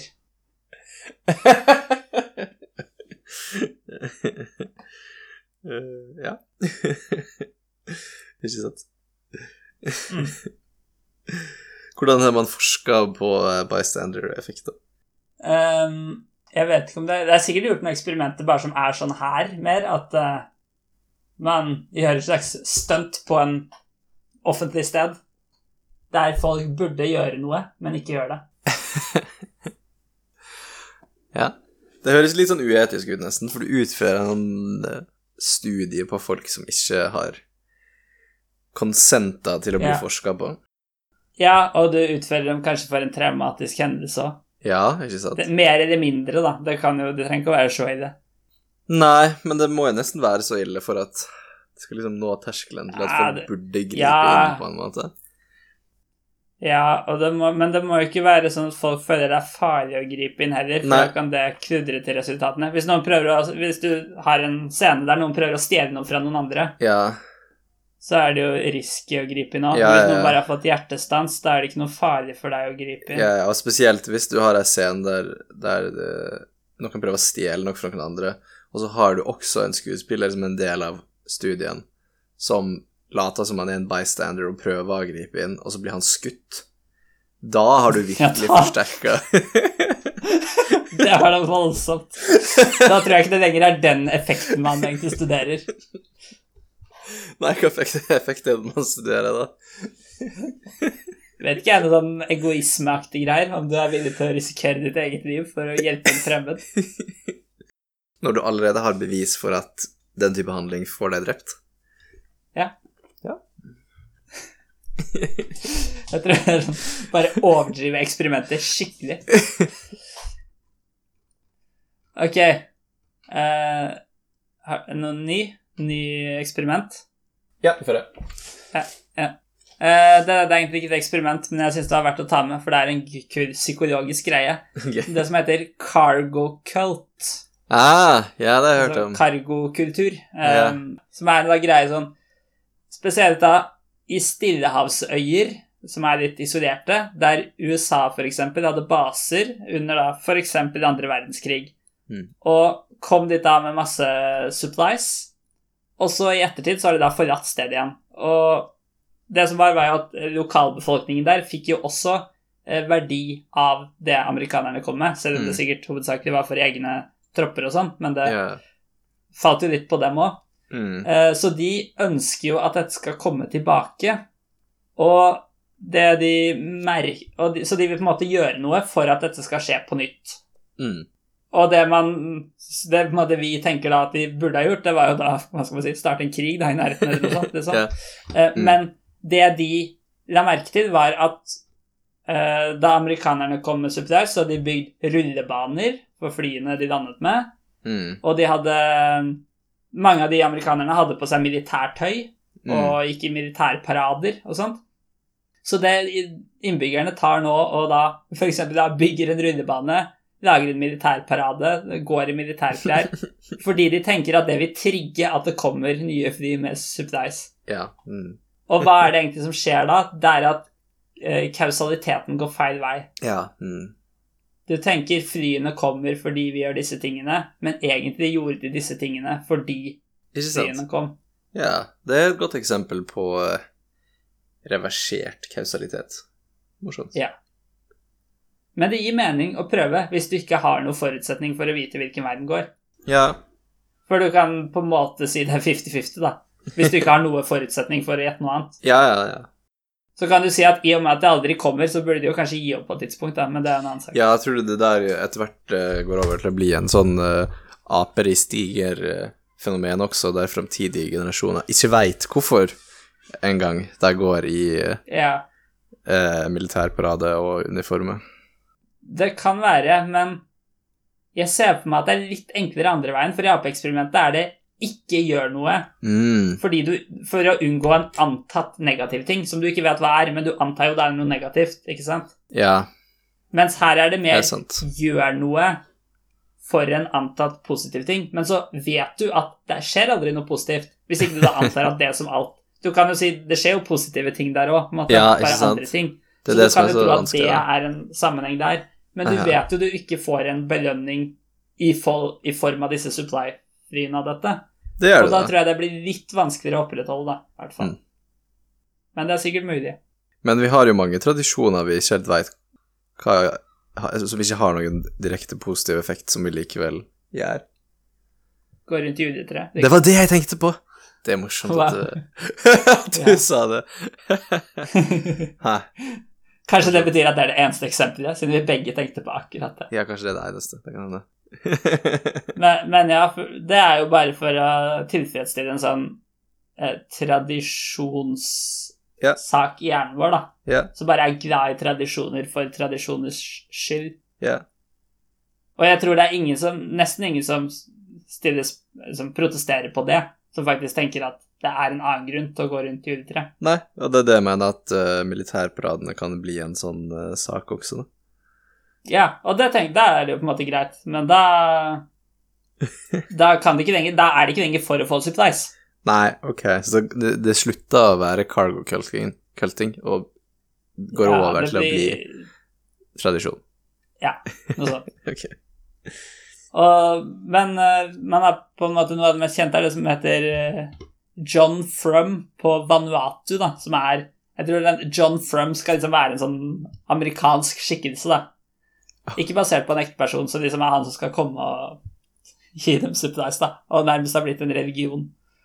Hæ? Hva snakka du om, da? Hva? det var et eksempel på sånn cargo cut. Ja, Er det her noe som blir eh, praktisert fortsatt? Jeg skjønner ikke. Ja, ja. Å ja! Da gjør det fortsatt. Men altså, det var jo andre Ja, verdenskrig. tror jeg. Må jo Det er jo ingen som lever nå som uh, så de flya, vel? Nei, så da har det jo gått i i tradisjon. Jeg vet ikke, Det er ikke sikkert alt dette er andre verdenskrig heller. Det kan ha vært en senere krig, for så vidt. Ok, Men uh, ja. huh. det, det varierer nok litt fra øy til øy òg. Ja vel. Men uh, sikkert mye som har gått i generasjoner òg. Ja. Og det er jo fortsatt folk som lever, som opplevde andre verdenskrig òg. Selv om de riktignok var ganske unge, de Ja. fleste. Hm.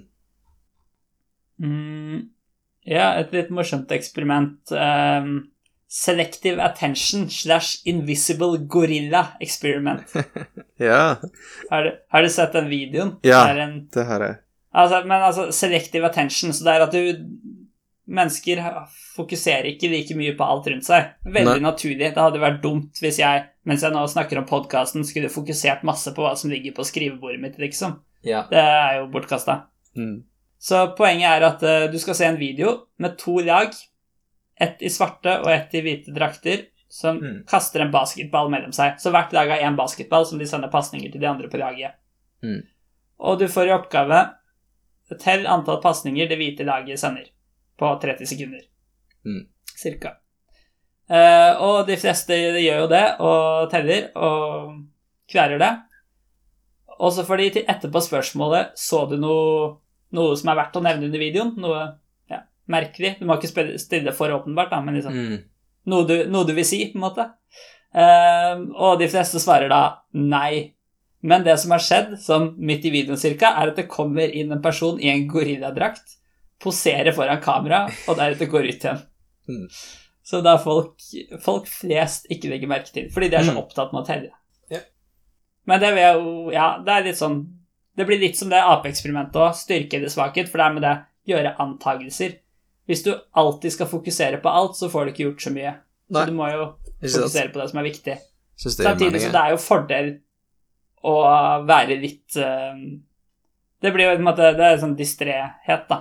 Ja. Målet. At uh, det er jo fordel å ikke Å klare å legge litt merke til eh, andre ting du ikke var forberedt på. Mm. Men uh, ja. Jeg tror det er, be det er bedre å ikke se gorillaen enn å ikke engang ha klart å telle pasningene. For det var jo det Ja. du egentlig skulle gjøre. Ikke sant? Men det er jo litt morsomt, da. i hvert fall Hvis du ser på videoen etterkant, så ser du hvor åpenbart Ja, det er Den er virkelig center of attention i de sekundene den er der. Ikke sant? Men det har også noe med det Siden det er to lag, ikke sant, så skal du jo ignorere halvparten av spillerne. Mm, Så du er på en måte allerede i et modus der du skal ignorere ting. ja. Det kan hende. Hvis det bare hadde vært ett lag, så hadde du nok sett det mye lettere. For da Ja. hadde på en måte det meste på videoen vært relevant, bortsett fra bakgrunnen, liksom. Mm. Det er jo et interessant uh, spørsmål, da. Det burde jo nesten ha blitt testa. Mm. Kanskje det har det. Jeg tror det, det er litt sånn synd med eksperimenter generelt, at hvis du ikke har et interessant resultat, Ja. så blir det ikke publisert, så du får mye sånn ekstreme resultater, da. I, ja.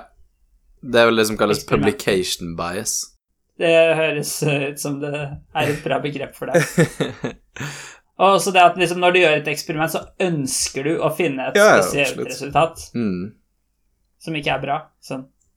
Uh, Det sies jo at, uh, at psykologiske Eller eh, jeg veit ikke Jo, social sciences, eh, psykologi og disse faga er inne i en, det de kaller en replication crisis. eh, Der det viser Mm. seg at de aller fleste av disse publiserte eh, studiene ikke kan replikeres. Eh, Når folk Nei, re så får reproduseres, liksom. reproduseres, ja, Eh, riktig. Gjentas. Så får, ja. så får de andre resultater. Ja. Så Så- det kan være mer tilfeldighet som ligger bak. Ja, det er mange faktorer som Kanskje. spiller inn, der, blant annet publication bias, eh, og, Ja. og at bare studiene har blitt gjort med dårlig Bare dårlig, hva heter det, forskningshygiene, på en måte. Mm. Men òg at det blir gjort antagelser som ikke stemmer, som for eksempel overgeneraliseringer, og, eh, og så er det også at man eh, man eh, har jo det man kaller en P-verdi, som der man regner på hvis det her var en tilfeldig var et tilfeldig resultat, og det vi ser at det ikke er sant, hva er da sannsynligheten for at det her var det vi observerte likevel? Den setter man ofte til 5 da, så det er en 5 sannsynlighet for at for at studien ble produsert ved en ren og skjær tilfeldighet. Og det betyr jo at alle studier som blir publisert, altså 5% av alle studier er Mm. minst, da, er kun tilfeldighet. Um, Ja. Og så er det kanskje de som kommer gjennom på tilfeldighet, som gir de mest spesielle resultatene. Ikke sant. Fordi, Det kan også være. altså, fordi de ikke er sanne, og da kan de også være mer absurde. Ja, ikke sant. Så det, og det er de som blir kjente igjen. Mm. Så sannsynligvis så er ingen av de studiene vi har snakka om så langt, sanne. Oi, det var, det var trist å høre. Det, det finnes ikke noe cargo cult. Nei, har du sett den? Nei, ikke med egne øyne. Det var jo ikke et eksperiment engang. Du bare fortalte om en hendelse som hadde foregått i fortida. Eller nåtida, tydeligvis. Eh, nei, det er, jo, det er jo ikke det, men det, er, eh, det viser en psykologisk eh, effekt. Ja. Ok. Ja, Men det er ikke satt opp som et eksperiment, nei. Nei. Mm. Det er sant. Men jeg vil bare si at det, det med at uh, det er sånn publication bias Jeg tror ikke det kun gjelder for social studies. Jeg tror Nei. det gjelder for de fleste felt. Det, det er det nok. Men, men jo bedre definert feltet er, jo vanskeligere blir det å gjøre antagelser som gir gale konklusjoner, kanskje. Ja, det kan hende. Det er lettere å anta ting om hvordan menneskers hjerner fungerer, fordi man ikke vet så mye om den, enn hvordan et elektron fungerer. Småoverraskende at vi veit mer om hvordan elektron fungerer enn en Ja, jeg vet ikke om det er sant, men si molekyler, da. De tror jeg. Jeg tror, tror kanskje det er der man har mest kontroll. Altså når det blir mindre, så blir det litt for kvantefysikk og sånn ja. Ikke sant. Dumme kvantefysikk, ass. Bruker eksempelet addisjon igjen, jeg. Det vet vi mye om. Ok, jeg har to, uh, to eksperimenter til ja, som vi kan avslutte med. Uh, det ene er The Monster Study. Det høres uh, skummelt ut. Og det er jo rett og slett Den har fått navnet fordi det var litt um, Hva skal man si Monster Monsterete gjort. Dårlig gjort, da. Wow. Mot, uh, mot de det ble eksperimentert på. For det var da barn som ble delt opp i to grupper, der den ene gruppen hadde talevansker, Mm. uh, og den andre ikke hadde det. Og de som hadde talevansker, de fikk veldig positiv feedback når de lærte. Så liksom alt, okay. alt, Hver gang de sa noe riktig, da, så fikk Mhm. de uh, bra. Og hvis de fikk hva skal man si, taleproblemer, så ble det mer nøytralt, da. Så det var liksom positiv, ja, positiv feedback. Ok. Mens den andre gruppen, de ble konstant hakket på når du gjorde feil i stedet. Veldig sånn negativ eh, prosess der eh, ikke noe var bra, men ting kunne liksom være mer nøytralt eller dårlig, da. Mm. Og det som da skjedde, var at flere av barna fra den siste gruppen, de som i utgangspunktet ikke hadde talefeil, Mm. utviklet psykiske problemer og talefeil som følge av den negative feedbacken. Er det sant? Som da viser at positiv feedback er bedre. Som er litt interessant, for sånn relativt sett så har det jo ikke noe å si. Når man skal trene opp en kunstig intelligens, så har det ikke noe å si om man velger å premiere den eller straffe den, så lenge det relative er på Mm. plass. Men det har vel noe med at når vi definerer et eh, AI-program, så definerer vi den såpass fra bånn at den har ingenting å sammenligne med. Mens for et menneske, selv om det vil være relativt til eksperimentet, så vil det ikke være relativt i forhold til alt annet i livet, kanskje. Kanskje. Men jeg føler også du er inne på å prøve å definere hva smerte og hva glede er for en bevisst entitet. Som er noe helt Mm. annet enn en utility-funksjon i, eh, i eh, et optimeringsprogram. Ja, at liksom det er to forskjellige ting, ikke bare én ting. Ikke bare én tallinje, da. Kanskje? Ja. Men ja, at det er, be det er bedre å premiere folk enn å straffe folk hvis de skal lære noe. Ja, igjen så høres det ut som en overgeneralisering av resultatet, da. Når det kommer til talefeil. Det er bedre å, å gi positive tilbakemeldinger enn å straffe barn som prøver å snakke når de har talefeil. Så at det er Ja, nivået av Eller ikke har talefeil, da. Ja, ikke sant? Da blir det jo ganske generelt, ja. Men jeg antar det var Jeg er litt usikker på om, det, om dette var eh, kun under, hva skal man si, snakketrening, eller om det Ah. var mer sånn generelt på skolen, liksom. ja, det synes jo jeg har mye å si, da. Ja, jeg vil tro det var mest det første, i hvert fall. Hmm. Kanskje liksom var i norskklassen, da. Hvis, nå var det sikkert ikke det i Norge, da, men liksom i morsmålsklassen. Jeg vet ikke. Morsmålsklassen Har ikke gjort nok research. Nei. Hva er et generelt begrep for det. Mm. Eh, siste eksperimentet, ikke gjort på mennesker, men på hunder.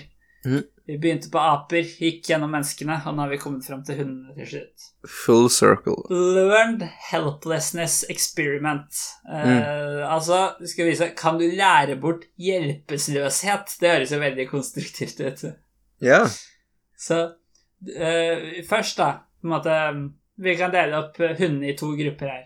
Så den første gruppen de ble plassert i en boks delt i to med et lite mm. hinder man liksom måtte komme seg over for å komme til den andre siden. Ja. Og så fikk man dem sjokk eh, i det rommet de først var plassert i. Mm. Si f.eks. at Gud vil lede av strøm, da, eller noe sånt. Mm. Og måten de da kan unnslippe det på, er å hoppe over i det andre rommet, for Mm. der får de ikke støtt. Ja. Og det lærte alle hundene seg, da, rett og slett ved å prøve seg fram. Fordi Ok. Du vet du får vondt her du står, så da prøver du på noe annet, selv om du ikke vet at det hjelper, liksom. Men Mm. det er jo naturlig. Ja. Eh, og så da den andre gruppen, da, hunder, de, der tok du flere hunder sammen og bandt dem sammen. Sikkert i beina eller noe sånt. Og da klarte de ikke å hoppe over eller okay. Ok. Og da fikk de jo da sjokk i, i lang tid. Eller i hvert fall sånn En stund.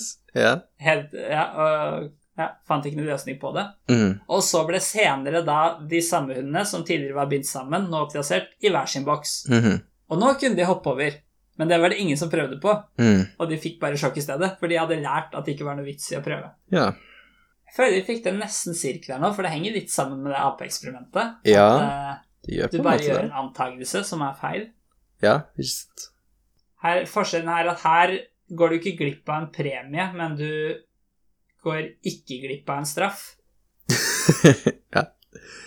Uh, um, det kan jo være at alle psykologiske eksperiment egentlig går ut på at man gjør feil antakelse. ja.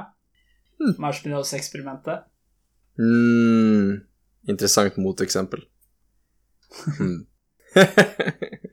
det var den Du, hypotesen. anta, du antar at nåtiden er viktigere enn fremtiden, eller noe sånt? Noe sånt. Ja, men eh, nei, jeg tror det kan virke på mange av disse. Eh, lille Albert antok at uh, det var noe skummelt med white furry objects. Og bystander-effekten antar at noen andre tar ansvar. ja. Den passer nok inn på mye, i hvert fall. Det er kanskje å anta noe et veldig generelt begrep på. det kan være. For en, hva skal man si, psykisk bevissthet. Mm.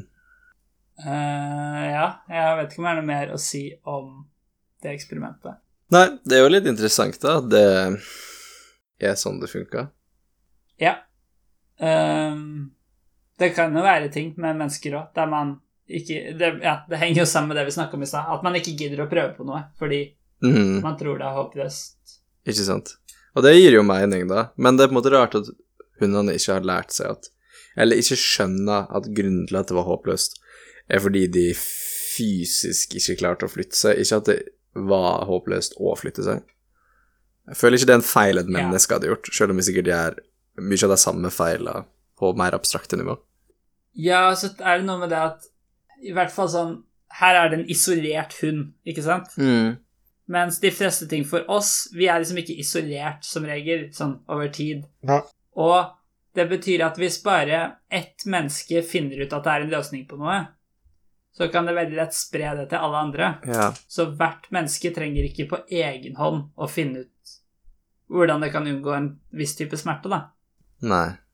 For det hadde sikkert vært hvis Det er ikke sikkert du hadde ja, Jeg vet ikke. Hadde du skjønt at du måtte spise mat når du ble sulten, hvis du ikke hadde måte fått noe opplæring i det? Det er kanskje litt vel for instinktivt, men jeg antar du kan finne et annet eksempel da, som er sånn. Ja, jeg skjønner ikke om det da. Mm. Hvis, hvis du Altså, vi kan ikke si du ble født, fordi når du er så liten, så er du så annerledes, men hvis du på en måte bare ble resatt, altså du på en måte mista all kunnskapen din, og så bare eh, fikk du en fyrstikk under hånda di som brant, eller et eller annet sånt, da. Mm.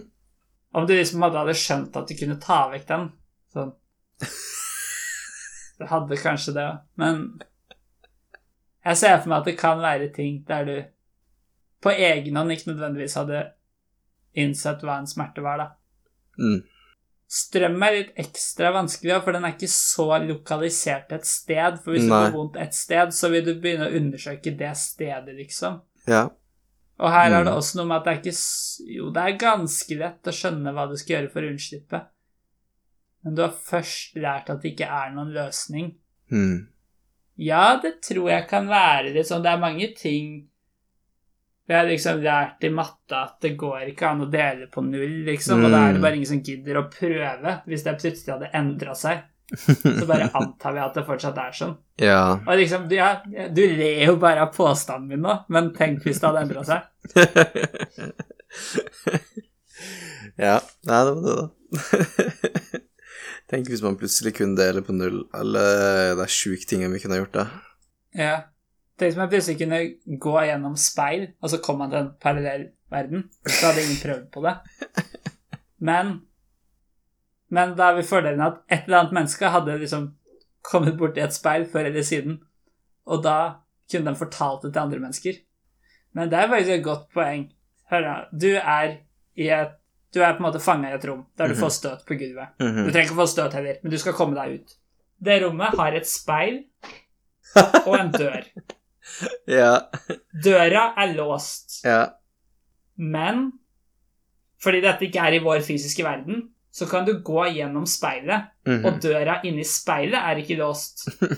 Men det er ikke sikkert du hadde prøvd på det, Nei. i hvert fall ikke med det første, Nei. og da hadde du heller fått støt. Jeg føler det er eh, Ja.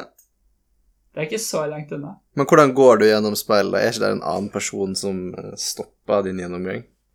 ja, det er litt morsomt, fordi det vil bare sånn Newtons tredje lov, kraft eller motkraft, Ja. som du kan på en måte si at et speil det, det, det, det passer ganske bra at det er en annen verden inni speilet. Er Bare at når du trykker mot speilet, så vil det trykke tilbake. og så- Det er ganske gøy, jeg har tenkt på det før. Men uh, Men uh, la oss si at det gikk, da. At du bare Mm. Du kan ikke krasje i din egen speil... I ditt eget speilbilde. Nei, nettopp. Det er en ny fysisk lov i denne verden. Det er veldig sånn konkret spesifikk lov. på Et veldig høyt abstraksjonsnivå i forhold til alle de andre. Ja. Det er Newtons fjerde lov. Har du sett den uh... Vi snakka jo om Airplane forrige gang, gjorde ikke vi det? Mm, jo, det var sikkert forrige gang, det. Ja, vi snakka om filmen Airplane, og der er det ei scene der uh, han uh, Husker ikke om han er pilot eller hva det er, men han står for å ta på seg uniform, eller dress, Ja. i speilet, og så står han og snakker med kona si, så de kutter litt frem og tilbake, og så på slutten av scenen så ser vi bare speilbildet hans, eller vi tror det speilbildet hans, da, og så tar han et steg frem og liksom går gjennom det vi trodde var et speil, da, som plutselig da er en døråpning som ser helt lik ut. Å ja. du husker ikke den scenen? Jeg hadde ikke sett den. Ja, du hadde ikke sett Airplane? Nå har jeg spoila hele filmen for det. Å ja, ja, for det var, det var det viktigste poenget i filmen. Jeg tror ikke filmen er bygd opp rundt det speilet. Jeg tror ikke den filmen har noe poeng. Da går det ikke an å spoile den, da. Kanskje. Nei, det er sant. Vi får fortsatt Hvis ikke anbefale du å bare se den. siterer da. hele filmen. Nei. ah, men nå kommer det jeg har gledet meg til mest i hele år. At Tarjei skal ringe et random nummer. Right, takk for i dag. Da snakkes vi neste gang. Send e-post til e-posten vår. Outro, musikk Hadde ikke vi en avtale her, Tarjei? Vi hadde ingen avtale. Hva skal du ta med til monopolretten? Føler ikke du et ansvar overfor lytterne som har gledet seg til dette øyeblikket? Jeg føler jeg har sagt i alle podkastene at jeg ikke kommer til å gjøre det her, så jeg tror ikke Ja, det men jeg har jo alltid antatt at du skal gjøre det likevel. Og hvis lytterne stoler mer på meg enn deg, det vet jeg ikke om de gjør, men Bare fordi du har antatt det, betyr ikke det at eh, lytterne våre har skjønt at du har antatt det, da. Nei, men nå antar du ting. Ah, Det burde være et psykologisk eksperiment. Kan du forklare meg, hvorfor vil ikke du gjøre dette? Det er jo et psykologisk, psykologisk greie. Hva sa du? Hvorfor er det så ekstremt viktig for deg å ikke gjøre dette? Eh, Fordi det er utrolig kleint. Men det er jo ikke noe farlig, det. Jo, kleinhet er jo det verste en nordmann kan oppleve. Det veit jo du. Så du gir opp, Jeg gir opp før jeg har begynt. du gir opp konkurransen.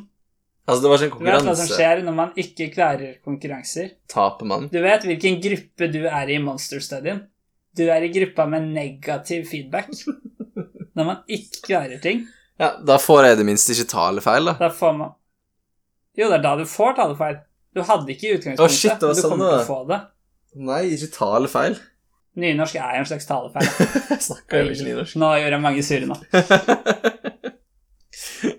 Eh, du må få straff.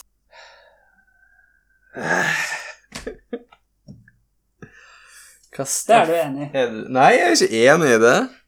Hvorfor skulle jeg være enig i at jeg sjøl får straff? Det er et veldig godt poeng.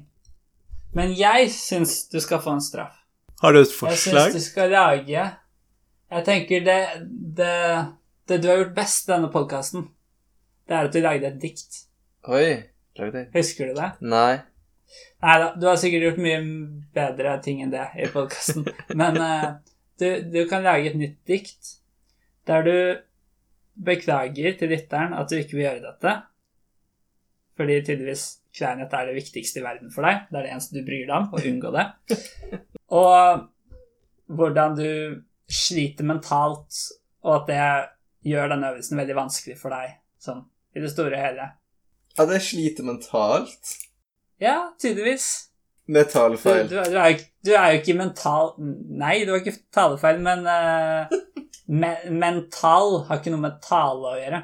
Men uh, at du ikke Du er jo ikke i mental stand til å gjennomføre en telefonsamtale. Det syns jeg du skal lage et lite dikt om nå på slutten. Ja, greit. Jeg Jeg, skal er Jeg er Jeg har med deg nå, men jeg har ringt seks tilfeldige telefonnumre bare for å få snakke med en fyr som ikke gadd å fortelle oss en fun fact. Ja, det kommer jo bare gjennom Og så det ene. gidder ikke du. Det er ikke det jeg ikke gidder, det er at jeg tar eh, moralsk avstand fra det. Ja, du, du, du har problemer som gjør at du ikke kan gjøre det. Conscientious objection. Objector. Det- Jeg er jo mye mer conscientious enn deg, til og med. Det har vi jo bevist tidligere. Bevist og bevist. Ja, det var den Eh, replikasjonsproblematikken, da.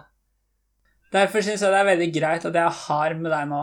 Så jeg syns du skal lage et dikt. Ja, men greit. Jeg skal komme med et dikt til neste gang. Og Nei, her og nå. Du er best til å improvisere. Det er det du har gjort før. Jeg kan jo Og, improvisere det, og så jeg- skrive det ned. Til neste gang. Uh, hvorfor kan du ikke bare gjøre det som du gjorde forrige gang? Hva gjorde jeg forrige gang? Du bare fant på her og nå. Ah, det blir for kleint, det også. Altså, det er samme problemet. Så du har blitt verre på halvannet år. På mange Du tok jo dette da. På mange områder. Ja.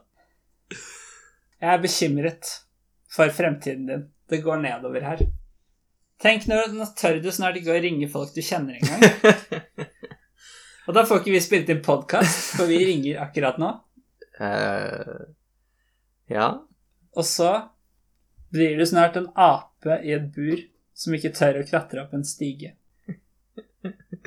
Og det høres jo veldig fornuftig ut, da.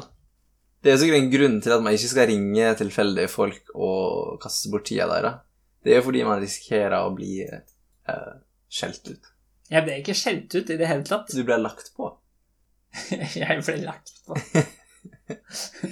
Det er nesten verre. Altså, de aller, de aller fleste telefonsamtaler ender med at noen blir lagt på, faktisk. Det eneste Det er noen samtaler Det er en tendens Jeg tror kanskje ikke det skjer nå mer, fordi telefonsamtalene som foregår akkurat nå, har det ikke skjedd med. Men alle tidligere har det skjedd med. Det har tydeligvis skjedd noe akkurat eh, for noen minutter siden nå, da, som har endra det. Men uh... Fordi alle telefonsamtaler som pågår akkurat nå, har ikke blitt Har ikke blitt lagt på ennå.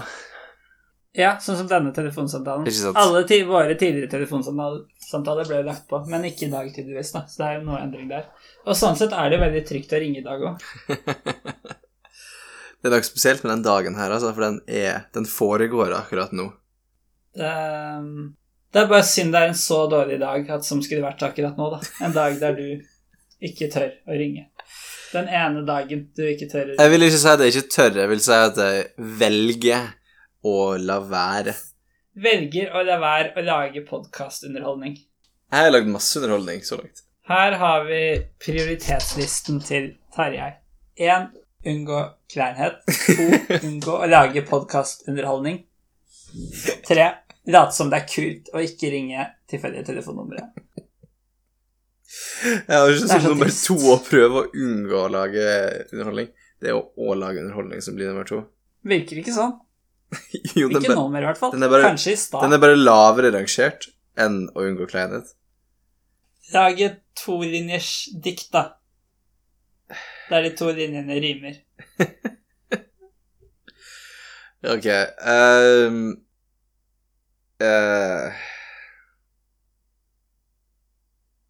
uh, Kleinhetens trikk endte med at vi spiller outromusikk. Det var jo for så vidt eh, Jeg ønsker ikke å si det er bra, for det var en straff. En straff skal bare gjøres. Men du har tatt straffen din, og nå, siden jeg er i den andre gruppa, så må jeg få premien min. Som er skryt for dine middelmådige ferdigheter. Til å ringe folk. Å ja. Nå kanskje jeg misforsto eh, eksperimentet. Ja, ja, nei, jeg må bare få skryt, for det jeg gjorde jeg. Ja. ja, du var veldig flink til å ringe alle de folka og misbruke tida der, ja. Takk. I de åtte neste sesongene av podkasten så må du kalle meg den allmektige ringeguden når jeg ønsker det. Er det en avtale? åtte neste sesongene. De åtte neste sesongene. Jeg kan vurdere det den neste sesongen. Du er ikke i en forhandlingsposisjon her. Å, hvorfor ikke? Vi, vi lar rytterne avgjøre dette. Ok. Finn på straffer til Tarjei og premier til meg. Du kan også bare sende meg premier på Vips eller noe sånt. Altså. Jeg har allerede tatt en straffe her. No. Ja, men rytterne må avgjøre om det var en bra nok straff. Ok, det aksepterer jeg. Jeg syns det var en bra nok straff. Okay. Ikke egentlig, men, eh, men jeg innser jeg, jeg får ikke noe mer ut av det. Så Greit, da legger vi det i hendene på lytterne. ja. Og så gjør vi aldri noe morsomt i podkasten igjen, fordi Ja, det blir kleint. men det tror jeg vi får til. Ja. Holde tilbake Vi, til. morsomheten. vi kan jo bare ikke spille inn flere podkaster òg. Da slipper vi å gjøre noe kleint i den. Det er faktisk sånn jeg unngår kleinhet i stor grad. altså. Ikke spille inn podkaster.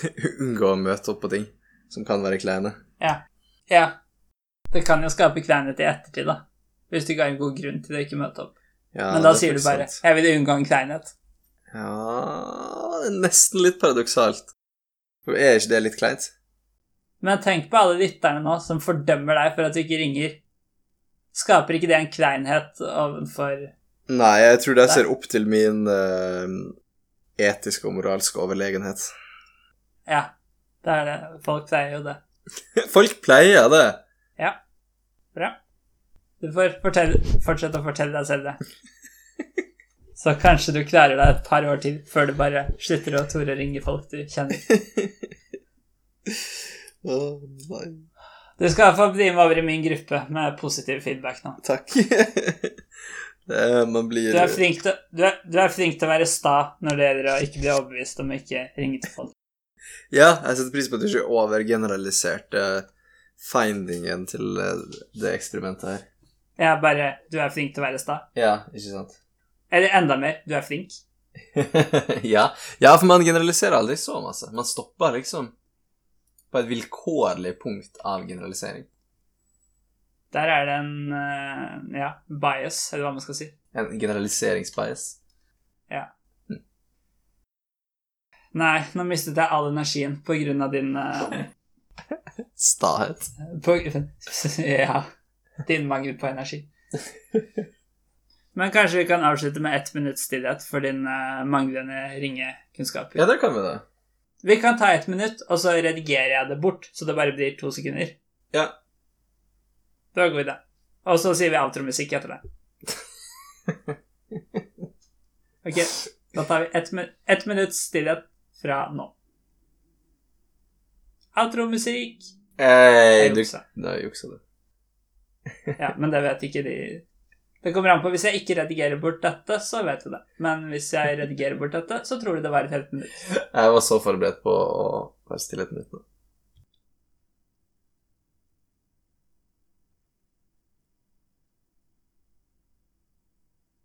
Ja, ja. Ah, jeg trodde vi skulle ta et minutt nå.